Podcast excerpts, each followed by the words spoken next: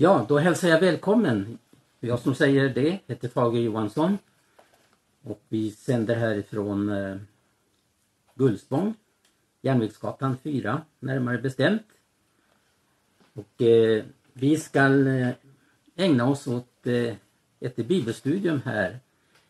Eh, det var ju så att vi annonserade eh, om att ha ett eh, stugmöte här ifrån oss. Men eh, genom nya eh, det, det, restriktioner så, och genom eh, covid-19s framfart så fick vi ändra till att ha ett bibelstudium här. Men jag hoppas att det ska också kunna ge någonting till dig som är en trogen bibelläsare. För det är förutsättningen att eh, verkligen tränga in i det som jag ska tala om idag. Så handlar det om verkligen vad Bibeln lär om olika ting som eh, vi bör vara hemmastadda i. Mitt ämne för det här bibelstudien det är, är Andens ämbete. Ja, jag tror alla vet vad ett ämbete är för någonting. Det är en tjänst, det är en syssla. Eh, man har det ordet med då i, i, exempelvis i högre statstjänst. Och eh, ett ämbete är en självständig funktion som eh, eh då skall eh, ivra för eh, det man representerar. Ofta är det då en statstjänst och då är man satt till att eh, stå till sin eh, statstjänsts eh, tjänst. Och eh, man är alltså befordrad till detta. Det kan sägas också om Andens ämbete att den helige Ande har en tjänst, en syssla. Eh, verkligen. Den är befordrad till en tjänst. Och eh, den här tjänsten den eh, handlar om då man kan kalla för Andens tidsålder. Andens tidsålder den begynte i och med det att Jesus utbad sig Fadern om att sända den helige Ande till jorden på ett nytt sätt. Den helige Ande har ju alltid varit med från början och fortsättningsvis.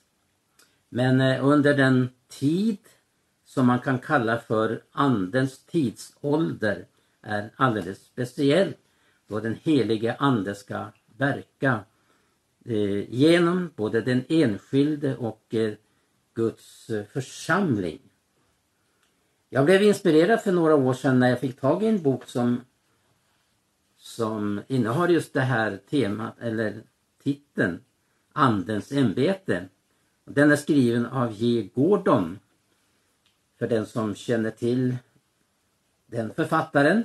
Han har skrivit många fina böcker. Verkligen eh, bibelcentrerad eh, undervisning. Och tillåt mig att läsa några rader här. Därför att eh, jag vill nu i det här bibelstudiet bara eh, skumma över det som jag tänkt ska bli en fortsättning i att gå igenom olika områden som vi ser den helige Ande vill verka och uppenbara sig. Denne Gordon han skriver eh, någonting väldigt väsentligt som eh, handlar om det här ämnet. Han skriver så här på sidan 77 där eh, kapitlen heter Andens styrelse. Och eh, då står det så här, den helige Andes regering och eh, auktoritet har blivit ignorerad i församlingen. Tjänarna i huset har tagit ledningen om hand och förgripit sig mer och mer på huvudets för, för, företrädesrättigheter. Den heliga ande är alltså satt till att styra församlingen. Och eh, den är alltså Guds ställföreträdare till Kristus. För när Jesus slutförde sitt uppdrag så blev den heliga ande sänd för att Kristi gärningar skulle fortsätta här på jorden. Genom de vittnen som Gud hade tagit ut.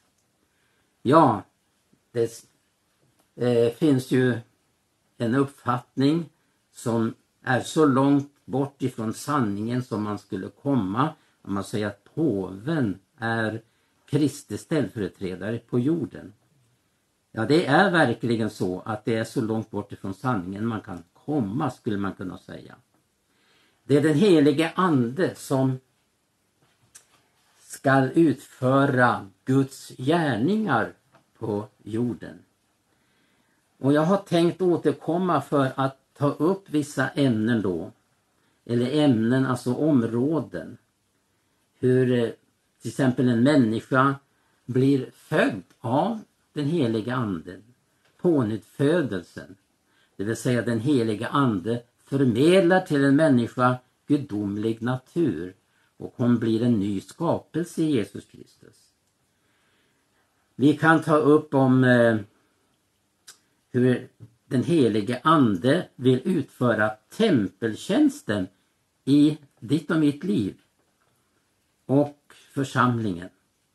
För det sägs ju om både den enskilde att dess kropp kan vara ett tempel åt den helige ande och församlingen är också ska vara ett tempel för den helige ande där Guds härlighet vill uppenbara sig och synliggöras. Precis så som i Gamla testamentet när templet hade byggts upp enligt den bild, mönsterbild som eh, David överlämnade till Salomo och han fullföljde, står det, i allt efter vad Gud hade uppenbarat. Precis samma budskap som Mose fick då Gud säger till Mose se till att du gör i allt efter den mönsterbild som har blivit visat dig på berget. Tempeltjänsten, det här får vi också bekanta oss med när vi läser Romarbrevet 12. Att vi ska ju frambära vår kropp åt Gud som ett levande välbehagligt offer för vår andliga tempeltjänst. Är inte det stort? Att en syndare kan få uppleva livet i Gud och få uppleva att göra genom sin kropp eh, och utföra en tempeltjänst åt Gud. Det är ju klimaxet i Romarbrevet att vi får uppleva att den helige Ande verkar fram de gudomliga tingen i en människas liv. Därför har ju Romarbrevet 12 eh, blivit eh, hänvisat som eh, den praktiska delen utav denna bok.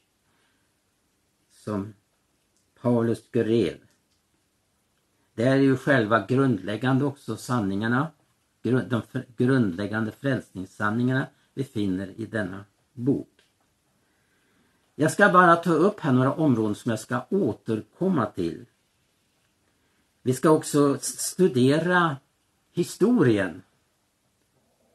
Hur den heliga ande har utfört sitt verk. Både i det gamla testamentet och nya testamentet. Hur apostlarna fick bli föremål för den heliga andes gärningar. Jag kan bara nämna några här områden som jag vill återkomma sen. Hur man kan uppleva och få del utav eh, vad Paulus undervisar om Galaterbrevet där det talar om andens frukt. Att någonting så underbart kan synliggöras i en människas liv när den helige ande får föra fram denna frukt i en människas liv. Som bland annat är kärlek, glädje, frid och så vidare. Vi har också någonting underbart då det gäller med den heliga ande att en människa kan få uppleva den heliga andes ledning i sitt liv. Vi behöver inte gå dit näsan pekar utan vi kan inviga oss till en helig tjänst för Gud och göra vad Gud vill vi ska göra. Där det handlar om att den helige ande får ta den plats som egentligen vi, som vi i vårt liv gav utrymme för vårt ego. Egot, det står alltid i vägen för den helige ande. Därför står det, talas det i Galaterbreven om att andens, köttet står emot anden och anden emot köttet. Och köttet den hindrar oss att göra vad Gud vill vi ska göra. Så vi kan studera om den heliga Andes verk, hur den grundar sig på till exempel ett färggörelse inom tron som på särskilt sätt kommer fram i Galaterbrevet. Vi kan studera den heliga Andes gärningar framförallt i Apostlagärningarna där vi ser följden av då man har fått mottaga dopet i den heliga Ande. Dopet i den heliga Ande var ju det som möjliggjorde att dessa gärningar skulle kunna ske. Det står ju så fantastiskt när Paulus var i Efesus att han gjorde kraftgärningar av icke vanligt slag. Och det är därför att eh, han var, hade den eh, klara insikten i om vad den helige Andes verk betydde för människorna på platsen. Därför frågar han, blev, fick ni den helige Ande när det kom till tro? Nej, de säger att de har inte hört att ens den helige Ande var given. Därför la Paulus händerna på dem var och en för att de skulle bli döpta av den helige Ande och de blev det också verkligen. Och de började också profetera. Detta skedde på det viset att det, det öppnade sig för hur Guds verk kunde få bli eh, eh, framfört genom den helige Ande. Att det är den helige Andes som är orsak till väckelsen i Efesus. Och det har ju alltid varit så genom alla tider. En väckelse är någonting som den helige Ande åstadkommer när det finns en mottaglighet, när det finns ett öppet sinne för Andens gärningar. När det finns förkrosselse hos dem som ska bli väckelsens redskap. Då kan en väckelse uppstå som en följd av att den heliga Ande får tillgänglighet. Kan man gott säga. Så apostlagärningarna är verkligen ett exempel på eh, den heliga Andes gärningar. Och jag brukar säga så här när jag tar upp det här ämnet om den heliga Ande att eh, apostlagärningar skulle det, den rubrik man har satt på den boken skulle kunna istället eh, lyda så här Andens gärningar genom apostlarna. För det är det det handlar om. Man kan tala om andens ämbete i församlingen. Och där har vi svaret på den första tidens framgång som den för, första apostlarna hade. Det var det att den helige ande fick bli den som utövade ett inflytande i en församling. Ja, så att församlingen blev i sin helhet ett väckelsens redskap. Att eh, den helige ande fick liksom använda församlingen så som ett instrument. Och det står ju faktiskt i en, någon grundtext att eh, den första församlingen som fick sin startpunkt i Jerusalem genom på pingstdagen när alla blev uppfyllda av den heliga ande så blev man som ett ackord. Anden behöver redskap för att den ska utföra sin, sitt uppdrag, sitt ämbete.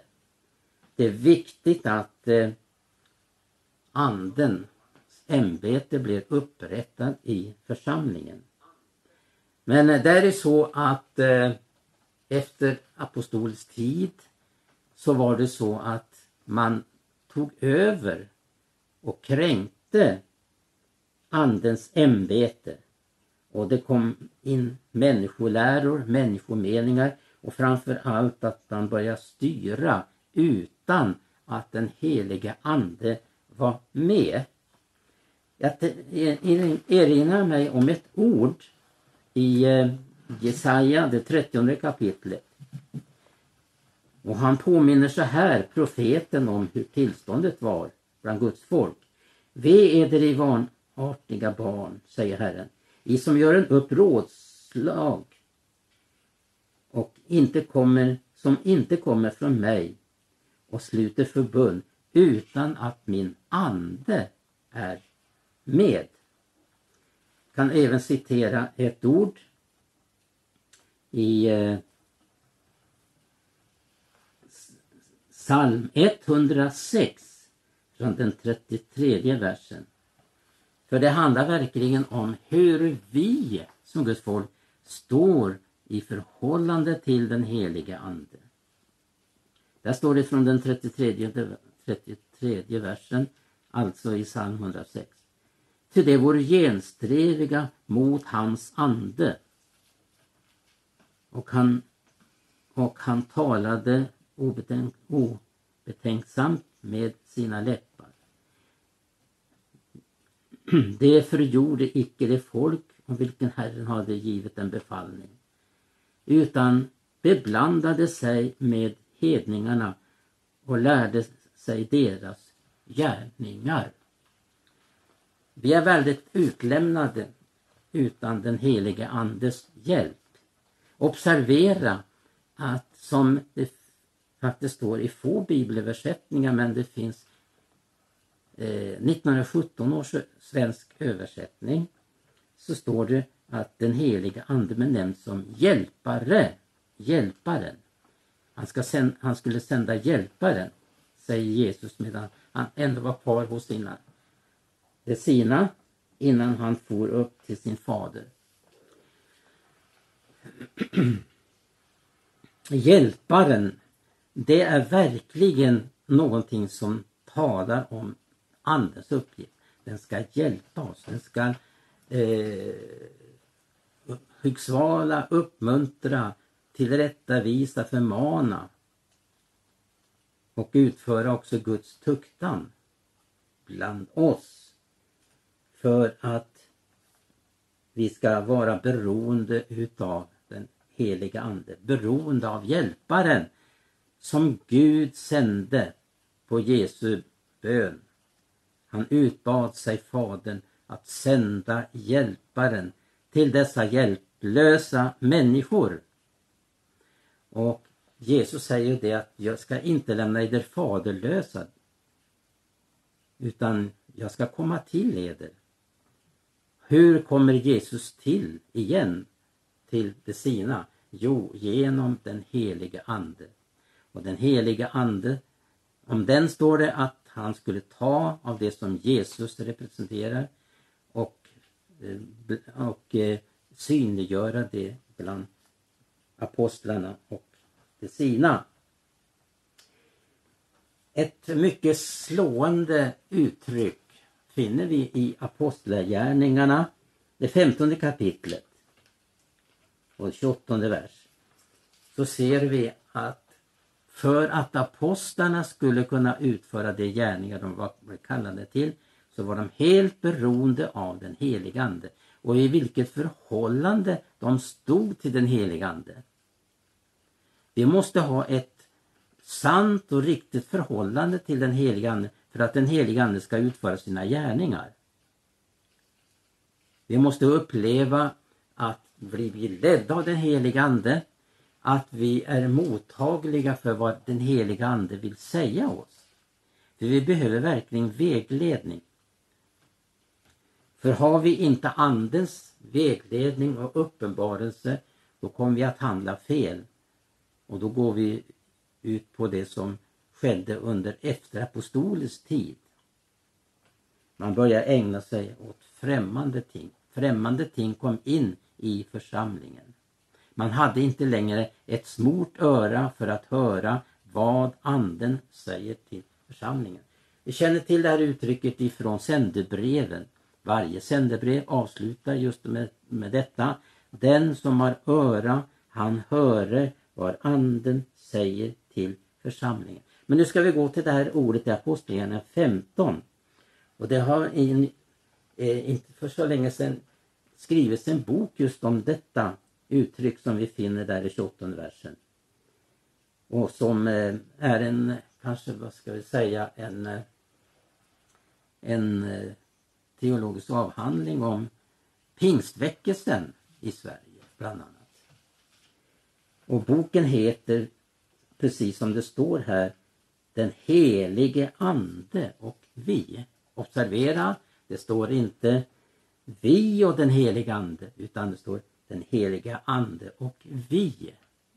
De hade ställt sig helt under andens ledning och inflytande för att eh, kunna utföra Guds gärningar.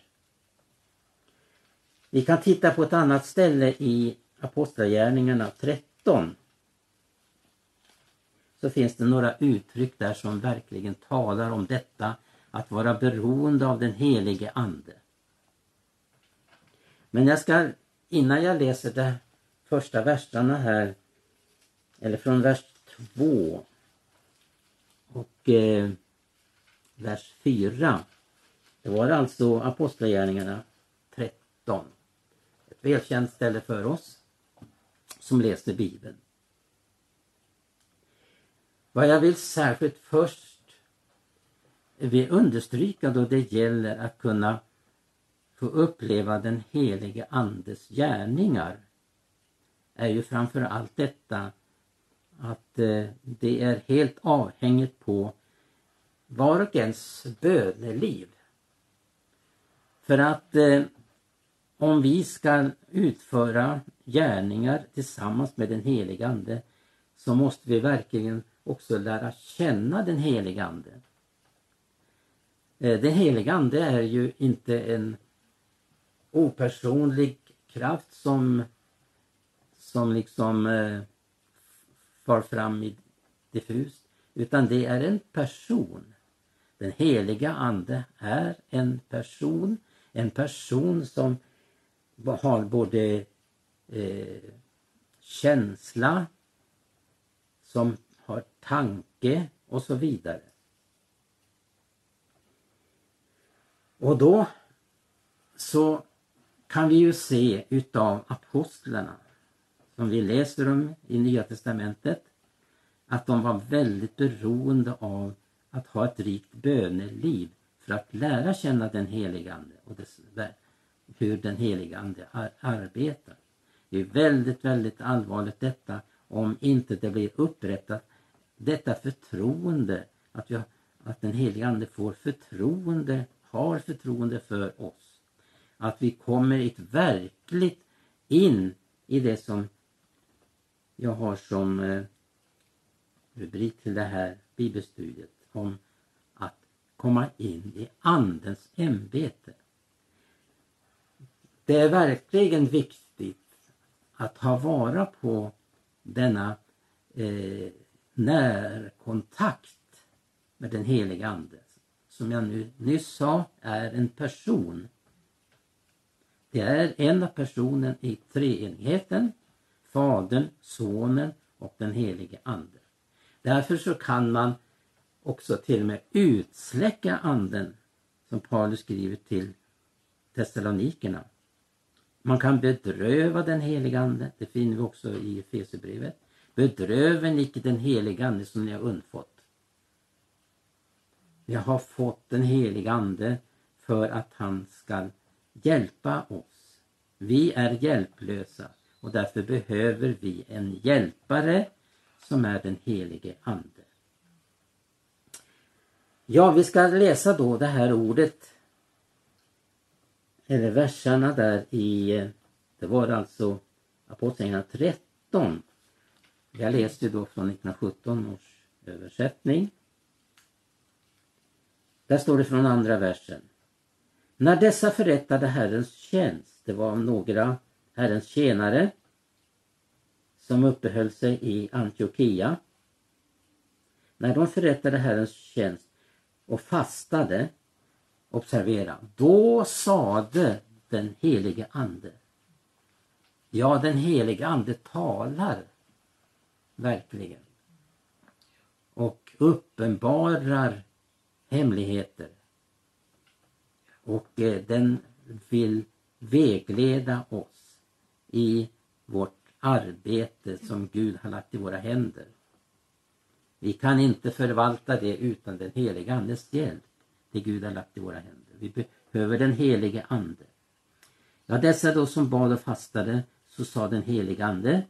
Så läser vi vidare där i andra versen. Avskiljen åt mig Barnabas och Sauls för det verk som jag har kallat dem till.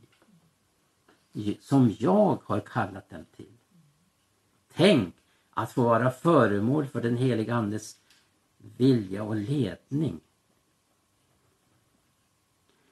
När de upplevde detta, står det i det tredje versen, då fastade de och båda och lade händerna på dem och letade dem sedan begiva sig åstad. Vidare står det så här i fjärde versen. Dessa som så hade blivit utsända av den heliga Ande for nu till Seleucia och seglade därifrån till Cypern. Och när de hade kommit till eh, Salamis förkunnade de Guds ord i judarnas synagoga. De hade också med sig Johannes såsom tjänare. Ja, rakt igenom apostlagärningarna får vi verkligen se hur den helige Ande fick det fulla inflytande i apostlarnas liv och gärning. Vid ett tillfälle så ansåg Paulus när han skulle predika evangelium på ett visst område i Asien. Men den heliga ande tillstade honom inte detta. Och det vi ser när de apostlarna, det de utförde, att de var verkligen beroende av den heliga Ande. Vad de skulle göra, vad de skulle tala. Och tänk att det finns så många områden för oss som vi behöver den heliga Ande. Vi behöver, och som Jesus säger att eh, vi behöver den heliga Ande för att den ska påminna oss om vad Jesus har sagt. Det var någonting väldigt viktigt för lärjungarna. Att de blev påminda om vad Jesus hade sagt. För Jesus undervisade ju. De lade en grund för, eh, för en undervisning i apostlarnas liv som var nödvändig för att de skulle kunna eh, fortsätta uppdraget efter att Jesus hade eh, lämnat jorden och farit hem till sin fader. Och att den heliga Ande som Jesus säger i Johannes 16 att eh, han ska leda oss fram till hela och fulla sanningen. Frågan är idag, var finner du sanningen någonstans? Du kan inte gå till en institution. Du kan inte gå till något teologiskt lärosäten eller på något annat sätt. Men genom den heliga Andes smörjelse får du en ära vare Gud, en fullständig uppenbarelse av Guds sanning. Ja, Jesus säger ju så här då att han, and, om anden, han ska leda er till hela sanningen. Och det är väl väldigt viktigt när Paulus säger att allenast för sanningen förmår vi något. Och det här är just att den helige ande som är Kristi ställföreträdare på jorden så skulle den helige ande som Jesus säger innan detta skedde för dem Eh, det var ju först efter pingstdagen de fick erfara detta vad den heliga Ande skulle kunna förmå. Och att kunna fylla ut alla områden i deras liv. Inte bara just den ska leda till hela, den hela och fulla sanningen. Den heliga ande skulle kontinuerligt ta från Jesus och ge åt dem, om man får uttrycka det så. Han ska ta av mig, sa Jesus om anden förkunna det för eder.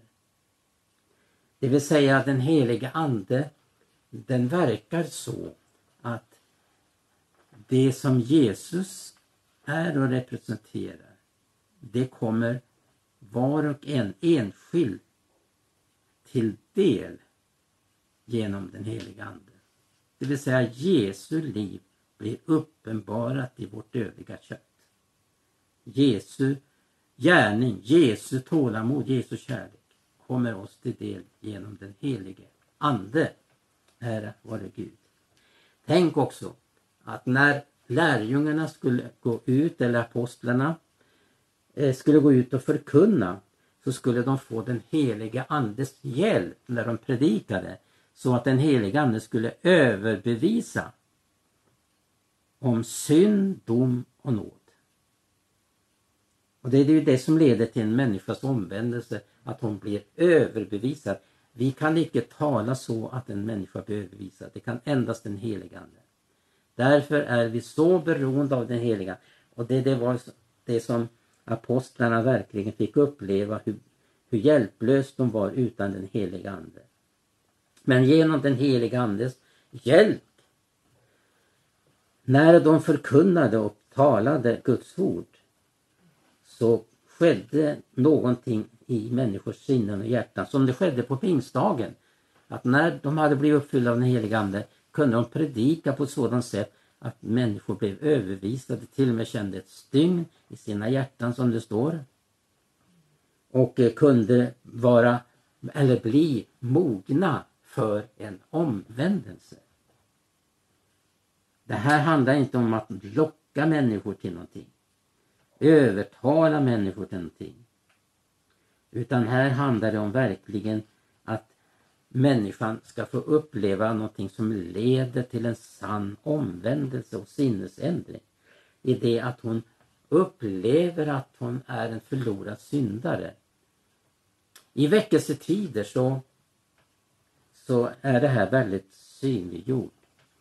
Hur många väckelsemöten har inte människor suttit och kämpat och gråtit. Dels för att de har blivit överbevisade om sin synd och upplevt också att de har blivit påverkade av den heliga Ande. Om inte människor blir påverkade av den heliga Ande då finns det inga förutsättningar. En väckelse begynner genom att den heliga Ande först utför ett förberedelsearbete. Gång på gång så kan vi se det genom väckelsehistorien. Att den helige Ande utför först. Men den helige Ande kan inte utföra detta om det inte finns en öppenhet. Om det inte finns eh, ett, en, en tid då man av hela sitt hjärta söker Gud. Därför att Guds ögon som överför hela jorden de, han söker för att finna om det finns någon som med sina hjärtan vill hängiva sig åt honom. De bistår han. De blir Gud intresserad utav. Det är många exempel i, i, genom Bibelns historia. Abraham var den som sökte Gud och blev verkligen en Guds medarbetare. Det handlar verkligen om att som det också, också hände för Abrahams del, att han trädde närmare Gud. Ska vi uppleva väckelse i vår tid? Men nu vill jag inte upp att eh, tala för att vi ska vara med om en upprepning av en tidigare väckelse. Utan vi får uppleva att vi, vi får eh, bemöta och möta situationen som den är idag. När Paulus talar om svåra tider. Men väckelsens ande verkar alltid, även om det sker i små sammanhang. Som vi förstår kommer att ske den sista tiden. Det kommer att ske i små sammanhang. Några folkväckelser tror jag inte vi kommer att få uppleva. Men Gud, Eh, Guds ande verkar fram väckelse där det finns möjlighet, ändå möjlighet. Även om det, det kommer att ske med sån, eh, på det sätt som man har upplevt tidigare. Och då kommer man väldigt in på det här intressant att hur människor upplevt den heliga ande, vad det har betytt. Vi kan ta från vår historia eller tidigare historia eller från Bibelns historia och människor som har blivit fyllda av den heliga Ande. Låt mig ta ett exempel. Eh, men innan jag tar exempel ifrån från människor som har upplevt att de har fått blivit ett väckelsens redskap vill jag först verkligen visa hur Jesus blev ett föredöme på, på det här. Att han begynte först sin verksamhet när den heliga ande kom över honom. Från den dagen begynte han sin verksamhet. Och det var vid det tillfälle han steg upp från Jordan och den heliga ande kom i skepnad av en duva över honom. Då begynte han sin verksamhet. Då blev han frestad av djävulen. Då kom eh, han att eh, gå ut med sitt budskap. Befria människor. Och allt skedde genom att den helige ande utförde Faderns gärningar i Jesus. Observera, Jesus utförde inte sina gärningar av sig själv. Han säger vid ett tillfälle att de gärningar jag gör, det gör Fadern som bor i mig. Och det var att den helige ande hade kommit in i Jesu liv på sådant sätt att han skulle nu gå in i de förberedda gärningarna Gud hade berättat för honom. Den helige ande fick utföra detta genom att han ställde sig helt till Guds förfogande. Han ville aldrig räkna sitt liv för sig själv utan allt för att ge ut sig för människorna. Ja, Jesus alltså begynte först sin verksamhet när den helige ande kom över honom. Det innebar inte att den heliga, inte, heliga ande fanns i hans liv tidigare. Men det, var, det här skedde bara för att han skulle visa vägen för oss. Att utan den heliga ande kan vi ingenting göra. Ska vi ta ett exempel? Jag tar en exempel i högen av människor som har varit, blivit använda av Gud. Vi har en som jag eh, gärna läser om. Och det är D.L. Modi. Han eh, var eh, för må många människor en okänd människa. En eh, predikant av, ja, av eh, massan. Men han hade i sina möten besök av två kvinnor. Och eh, de kom fram till honom efter mötet. Ja, vi ber för dig, sa de. Vi ber för dig. Och vi ber för att du ska uppleva den heliga Ande i ditt liv. Så kom de nästa möte, likadant. Vi ber för dig. Han blev lite smått irriterad av det här alltså, men han väcktes också en längtan. Han förstod att det fanns någonting mera. Så han fick komma att uppleva den heliga ande på ett sånt mäktigt sätt att han, hela hans eh, predikogärning förändrades i ett enda nu. Han kom att bli mycket känd och han kom att samla stora skaror. För den tiden var det lätt att samla människor. Speciellt om den helige Ande var på färden. Han blev väldigt använd av Gud när han fick uppleva den helige Ande. Det betydde att han fick sätta djupa spår för sin samtid och bli till stor välsignelse för många människors frälsning. Jag kan bara ta ett exempel här för tidens skull, men det finns många, många. Den heliga Ande har många verksamhetsområden eller det finns många eh, eh, händelser i Bibeln som talar om vad den heliga Andes uppgift är. I grund och botten så är ju den helige Andes uppgift här i tiden att ta ut en brud åt Jesus. Då har vi den underbara bilden hur Eliezer blev utsänd av Abraham. Och det är väldigt klart och tydligt och det har förkunnats av många att det är en bild på den heliga Ande. Eliezer. Han ska ta ut en brud åt Isak. Ära vare Gud. Det är den heliga Andes stora uppgift att ta ut en brud åt Jesus.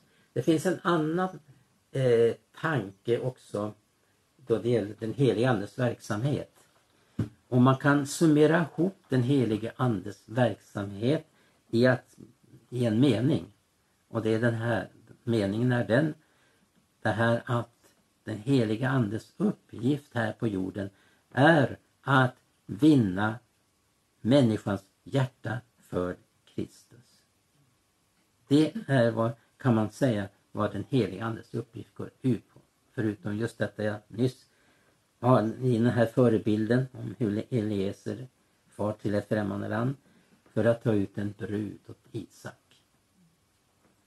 Ära vare hans underbara namn. Det här är några glimtar ifrån eh, jag tänkte återkomma till. Men vi ser framförallt eh, att det är genom den helige Ande som Gud skapar någonting. För att den helige Ande, precis så som den skapar en ny födelse hos en människa.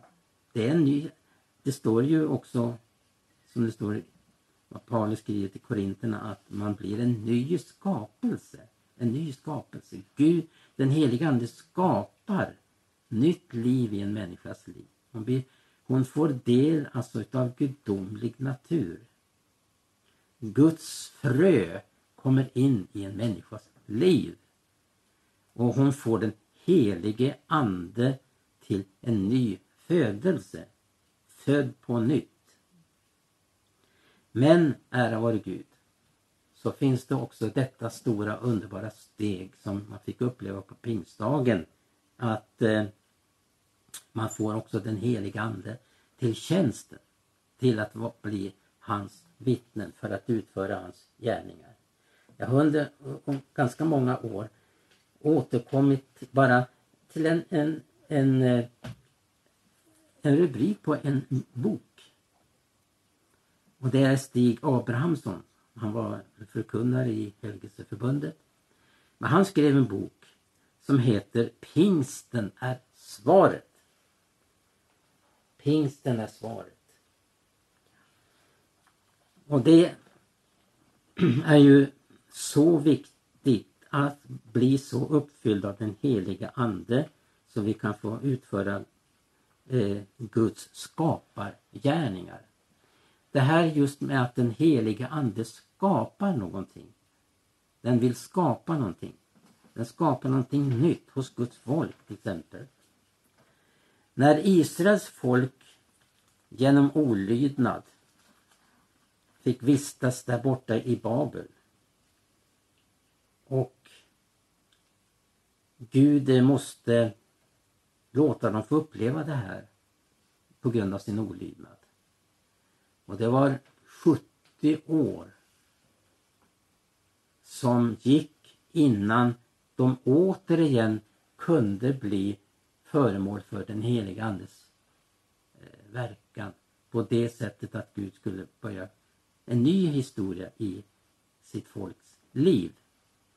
Och vi kan till exempel uppleva det här där vi läser om Nehemja. Han eh, kom en dag till konungen, han var ju konungens munskänk. Och han såg väldigt bedrövad ut. Och konungen frågade, har du någon hjärtesorg?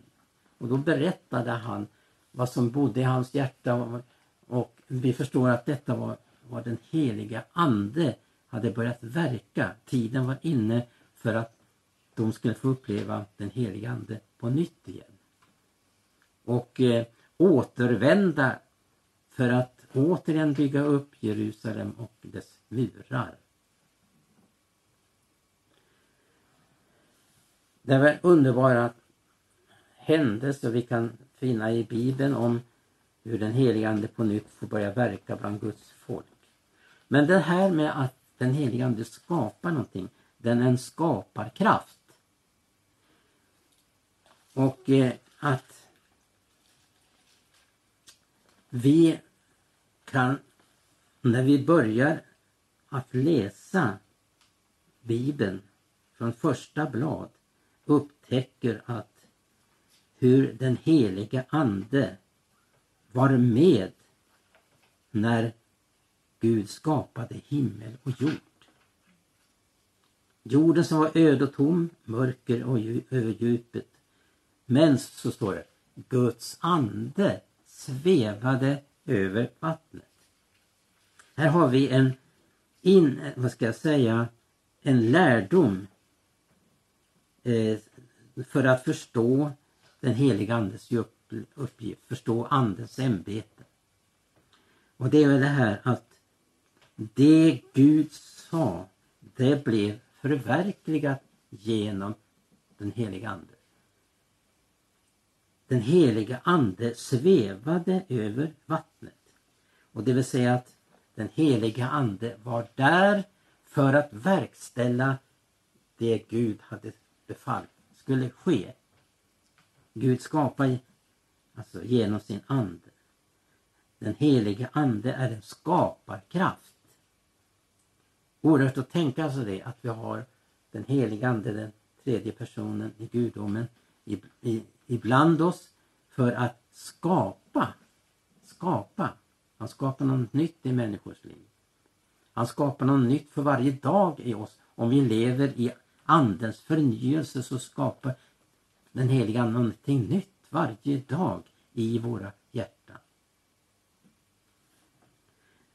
Och fortsätter vi läser här i första Moseboks andra kapitel hur Gud blåste in livsanden i människans näsa. När Gud skapade människan. Han inblåste livsande i hennes näsa och så blev människan en levande varelse. Har man den helige ande då är man en levande varelse. Den som inte har anden är inte en levande varelse.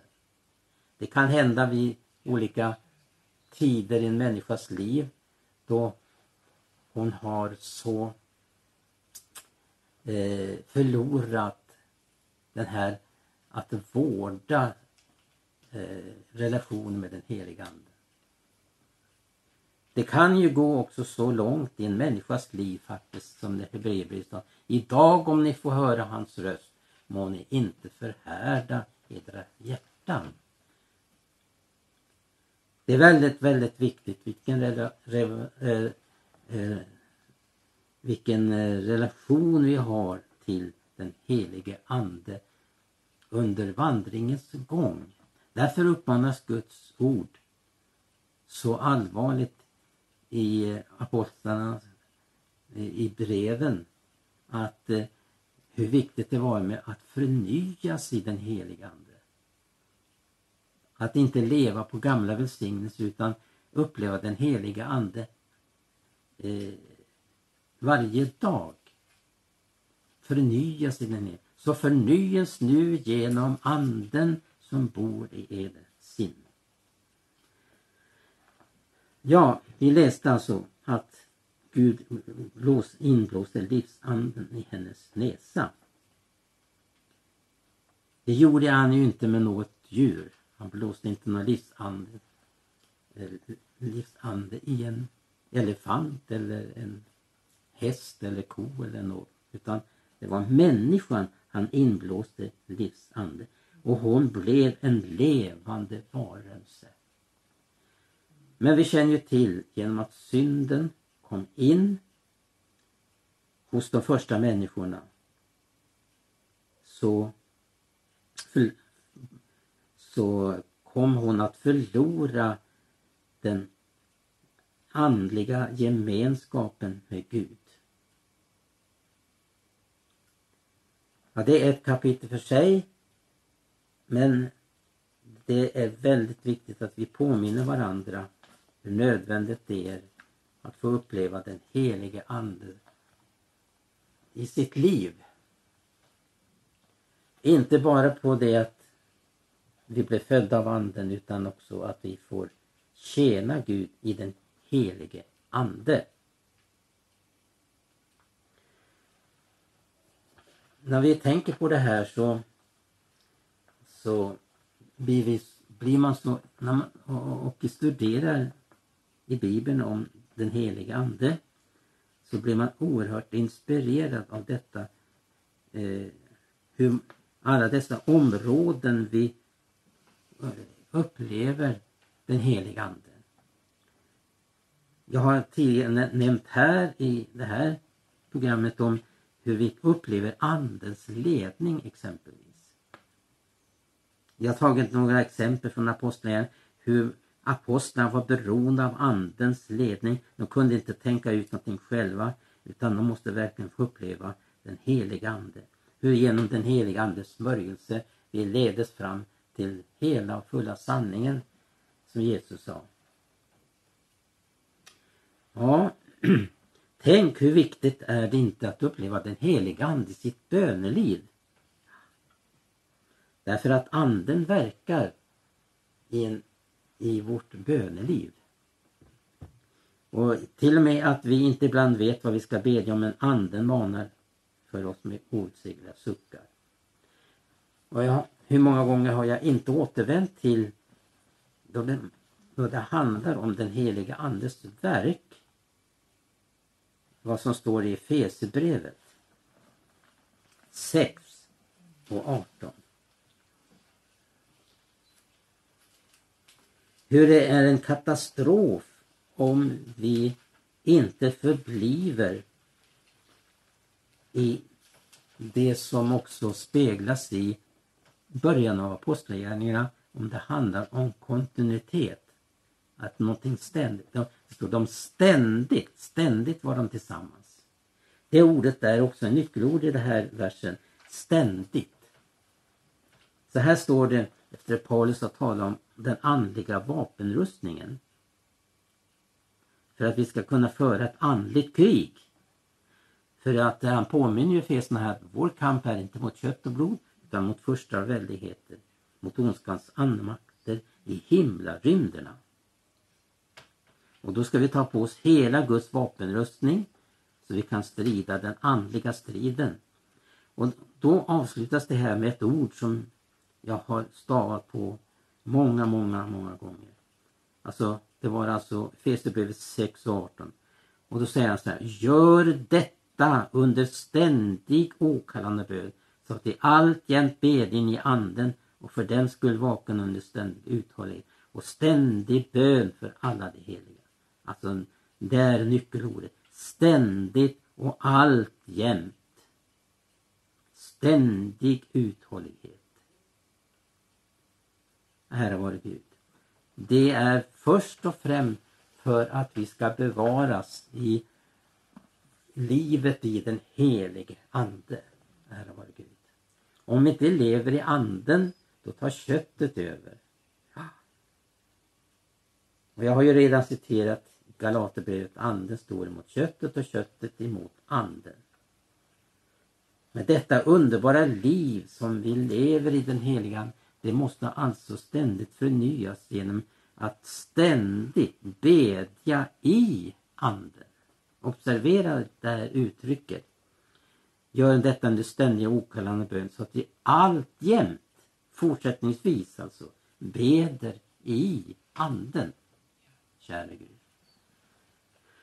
Och många gånger upplever man tillsammans med de som inte lever i anden att hur bönen den blir mer formell eller ett utfyllnads... Eh, man lever liksom kan, kan man säga på en religiös nivå. Man lever ett religiöst liv. Man gör si och så saker som man tror man ska göra. Men tänk när man möter människor som beder i anden. Halleluja. Människor som profeterar i anden. Och så vidare. Som tjänar Gud i anden som låter sig drivas av anden. alltjämt bedja i anden.